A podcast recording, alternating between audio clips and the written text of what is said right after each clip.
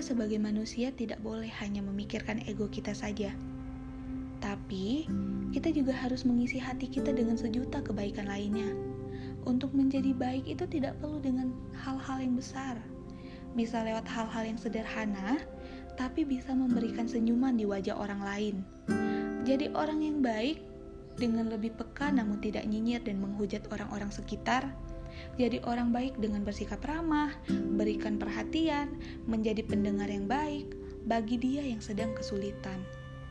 Membuatkan makanan untuk dia yang selalu di dekatmu, memberikan jalan pada orang yang mungkin sedang terburu-buru, itu semua bukan suatu kewajiban, tapi itu adalah kesempatan.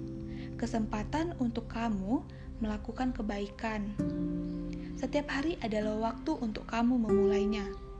Coba deh kita ingat-ingat nih.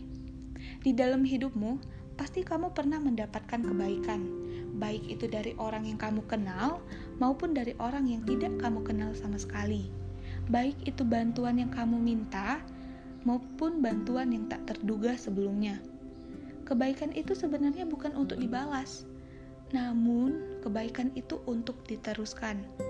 Mungkin kamu memang tidak bisa memberikan kebaikan ke semua orang, tapi kamu bisa memulai dengan orang-orang yang Tuhan taruh di dalam hidupmu, orang-orang yang ada di kanan kirimu, wajah-wajah yang kamu jumpai setiap hari. Tuhan memberikanmu hidup bukan karena kamu membutuhkannya, tapi karena ada orang-orang lain yang membutuhkanmu.